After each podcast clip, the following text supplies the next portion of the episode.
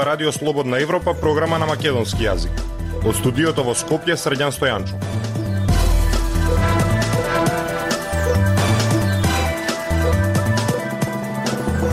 Ја слушате емисијата на Радио Слободна Европа, почитувани. Во неа објавуваме. Нарушен легитимитетот на владата да преговара со Бугарија. Буџетот постојано расте, капиталните инвестиции високи само на хартија. Расте бројот на заразени со COVID-19, а рестриктивни мерки нема.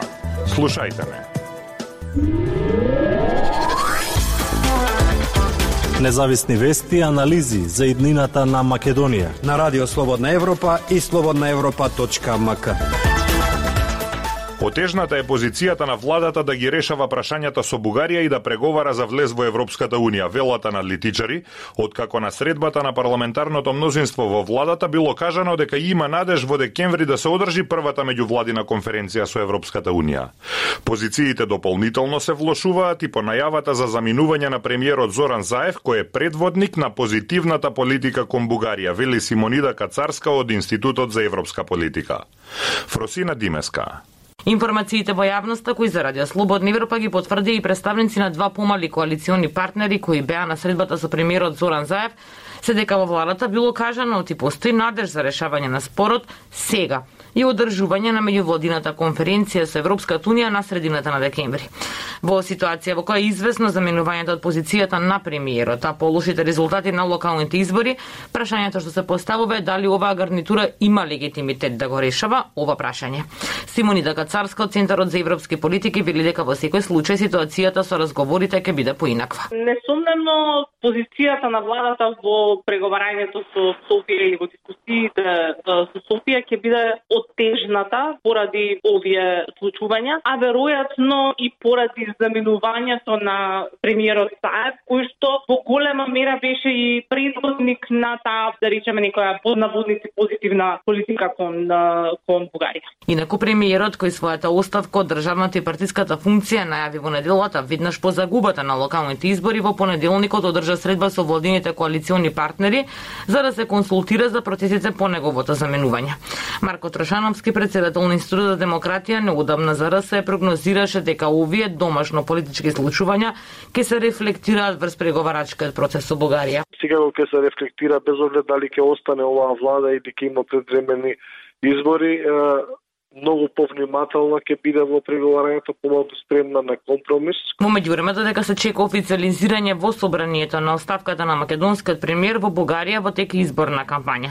По 14 ноември источниот сосед би требало да добие нов председател и нова влада по досега неуспешните обиди за формирање откако двата изборни циклуси не донесоа јасен политички резултат. Радев, кој според испитувањето на јавното мислење е фаворит да стане старо нов председател, минатата недела ги прими представниците на организациите на македонските бугари и на партијата Граѓанска демократска унија.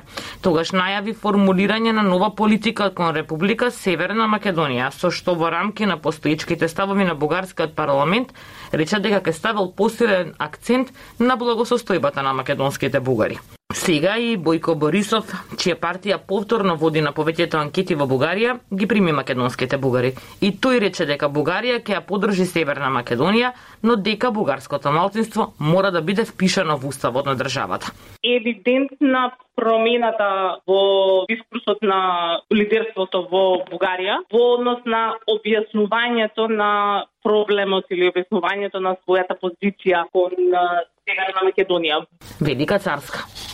Во почетокот, кога Бугарија воспостави блокарата за македонските европски интеграции, главните барања на Софија беа концентрирани околу признавање на историската вистина и признавање на корените на македонскиот јазик и на нацијата.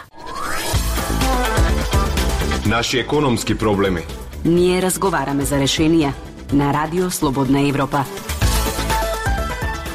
Државниот буџет секоја година расте, но на сметка на зголемување на задолженоста на државата. Владата за догодина планира економски раст од 4,6%, но експерти велат дека тој не е нужно поврзан со животниот стандард.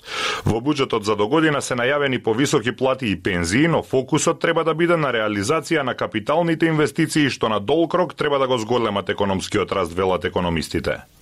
Владимир Калински, Тешко ќе биде македонската економија брзо да се зацврсти во текот на следната година и со тоа да се постигне раст од 4,6% дури и во постпандемиски период, смета економскиот аналитичар Арбен Халили. За жал, нашата економија и во нормални денови, условно кажано, нема раст од 4,6, па некамо а, после пандемијата. Вели Халили, коментарите доаѓаат по предвидувањата дека македонската економија следната година ќе забележи раст од 4,6%, како што соопшти министерот за финансии Фатмир Бесими представувајќи го предлог буџетот за 2022 година.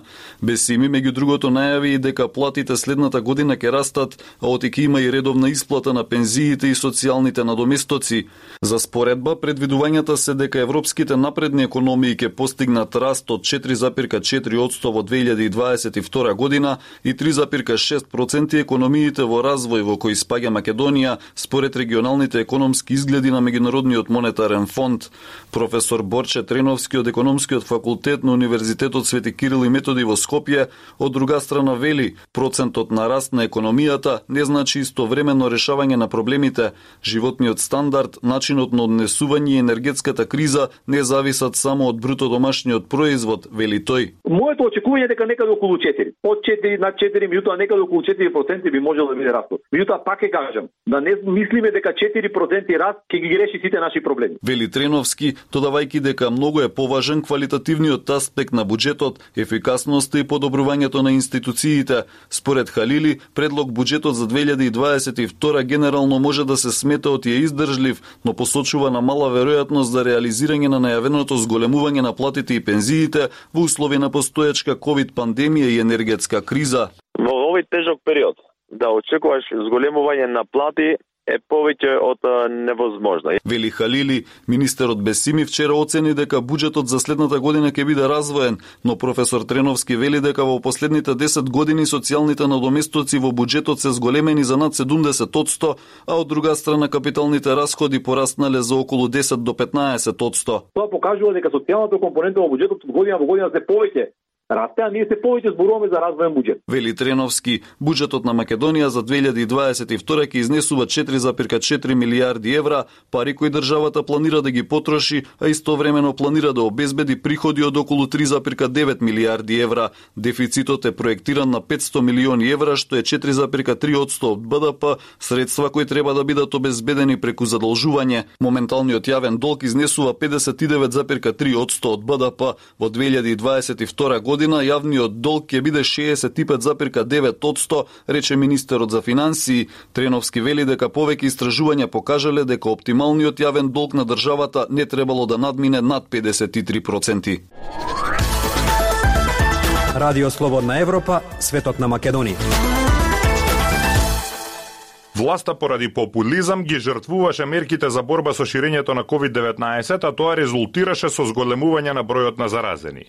Најголемо зголемување на новозаболени за периодот од 25 до 31 октомври има во возрастната група од 20 до 29 години, токму по дозволата за работа на ноќните клубови. Марија Тумановска По краткото опаѓање на бројот на заболени од COVID-19, бројката на новозаразени од Делта сојот повторно покажува нагорна линија.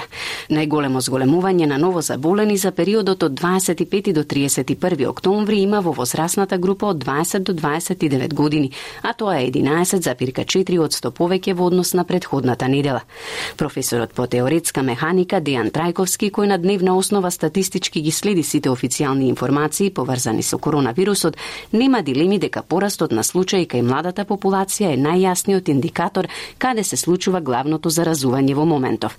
Здравието на нацијата повторно беше жртвувано поради популизам, поради една толку беззначајна цел која сепак не ги даде посакуваните резултати, вели професорот. Отворете ги неделните извештаи на ИАЗ, Институтот за јавно здравје, на последната страница ги пишува препорачаните мерки од ИАЗ. И след тоа што го пишуваат, станува мртво слово на хартија. Тие ништо не почитуваат политичарите. Таму пишува затворење на низ суштински дејности, препорачу, препорачана настава на далечина и така натаму. И тоа си е напишано, меѓутоа вие ништо не постапуваат, туку со политички произволни одлуки. Некои од препораките на СЗО за кои зборува и Трајковски се и посебна проценка за одржување спортски и слични настани кои треба да се одржуваат според строги безбедносни правила, на пример без публика. Другите масовни собири, велат оттаму, треба да бидат прекинати, а големината на сите социјални собири да се намали. Јасно е дека бранот започнува да се издвишува, велат упатените. Стапката на позитивни тестови практично ги достигнува августовските нивоа, вели професорот Трајковски. Сепак стапката на хоспитализираност не е многу висока и изнесува околу 7% од бројот на активни случаи. Вакцините сепак вршат добра работа колку што се може при овој недоволен опфат со вакцинација, посочува Трајковски. Сега благодарение на вакцините ние се држиме се уште некаква под контрола, меѓутоа кај нова година, јас мислам која ќе попушти сосема заштитата, ќе го гледаме во што го гледаме во Бугарија, во Србија, во Словенија. Парадоксално сега луѓето одат по трета доза, еднаш вакцинираните одат да примат трета доза, а нема нови за прва доза. Колку беше интересот? Инаку бројот на заболени од коронавирусот е високи во соседните земји Бугарија, Србија, Босна и Херцеговина, Словенија. Нов црн рекорд за смртни случаи се бележи во Бугарија, каде ситуацијата е критична. Она што исто така загрижувачки тренд во нашата земја е високата стапка на смртност. Од доаѓањето на Делта сојот до денес, оваа стапка изнесува 3,8%. Култура и уметност. На Радио Слободна Европа. Со јавниот перформативен настан произлезен од петдневната интердисциплинарна работилница Изгубено и најдено на 16-тиот акто фестивал за современи уметности започна современи недемократии, интердисциплинарната платформа за едукација и продукција на современа уметност ноември-декември 2021. Повеќе од прилогот на Љупчо Јолевски. Современи недемократи, интердисциплинарната платформа за едукација и продукција на современа уметност, од актуелното 16-то издание на Акто Фестивал за современи уметности, зад кој, како продуцент, стои организацијата Факултет за работи што не се учат, започна со јавниот перформативен настан, произлезен од петдневната интердисциплинарна работилница Изгубено и најдено, која се одвиваше под менторство на творци како Томас Жишка и Драган Стојчевски од Прага, Република Чешка и нашиот Филип Јован. Ивановски. Во реализацијата партнери на АКТО беа Факултетот на драмски уметности од Скопје и Факултет за драмски уметности од Прага, а освен студентите на овие две институции, учество зедоа и студенти по сликарство од Факултетот за ликовни уметности. Во сабота напладне, на 6 ноември, во салата за седници на Обштина Центар ќе биде представена изложбата Современи недемократии, исчезнување на јавниот човек, базирана на истражување на Јана Брсаковска, Ивана Васева, Филип Јовановски, Кристијан Караджовски, Наум Трејан. Стојановски. Еден час подоцна во истиот простор ќе биде реализирана Акто Агора. На 9 ноември е планирано да се одржи јавниот перформативен настан слушна реакција на архитектурата, која ќе се одвива под менторство на перформанс колективот Лигна, Оле Фрами Торстен Михаелсен од Хамбург, Германија и во соработка на Факултетот за работи што не се учат, АКТО со Факултет за драмски уметности Скопје. Во недела напладне, на 14 ноември, по Македонска пошта и на плоштад Македонија ќе се одржи перформансот Дисеминизација на секаде на перформанс колектив Лигна, а за 5 декември, овој пат во зградата на поранешната Скопска местна заедница Тафталиџе е најавен изгубени модернистички утопии, перформансот произлезен од 4-дневната интердисциплинарна работилница, што ќе се одвива под менторство на Миодра Куч од Институтот за уметност и урбанизам во Берлин. И по оваа сесија, само 4 дена подоцна, предвидена и промоцијата на книгата Неуметност, надвор, борби, солидарни уметнички практики на периферијата на авторите Валентина Боници, Адела Деметја, Рена Радле и Ивана Васева, а чиј издавач е албанската Тирана Арт Лабораторија. Од факултет за работи што не се учат, појаснуваат дека она што беше карактеристично за акто, тоа е битола, односно тридневната интензивна интердисциплинарна програма со изразит визуелно-уметнички предзнак, напуштени простори кои стануваат алтернативни простори за презентација, интернационални гости и актуелни теми, место за размена и колективни идеи и создавање многу соработки и партнерства. Сепак, тие забележуваат дека во 2021 година фестивалот за современи уметности добива друга форма, дека условно се сели во Скопје и станува двегодишно истражување на актуелни теми, заборавени простори на културното наследство, продукција на нови дела со интернационални гости, но и силна едукативна компонента која создава место за размена и заедничко создавање и тоа во соработка со официјални образовни институции. Ја слушавте емисијата на Радио Слободна Европа на македонски јазик. Со вас беа продуцентот Дејан Балаловски и Средјан Стојанчо. До слушање.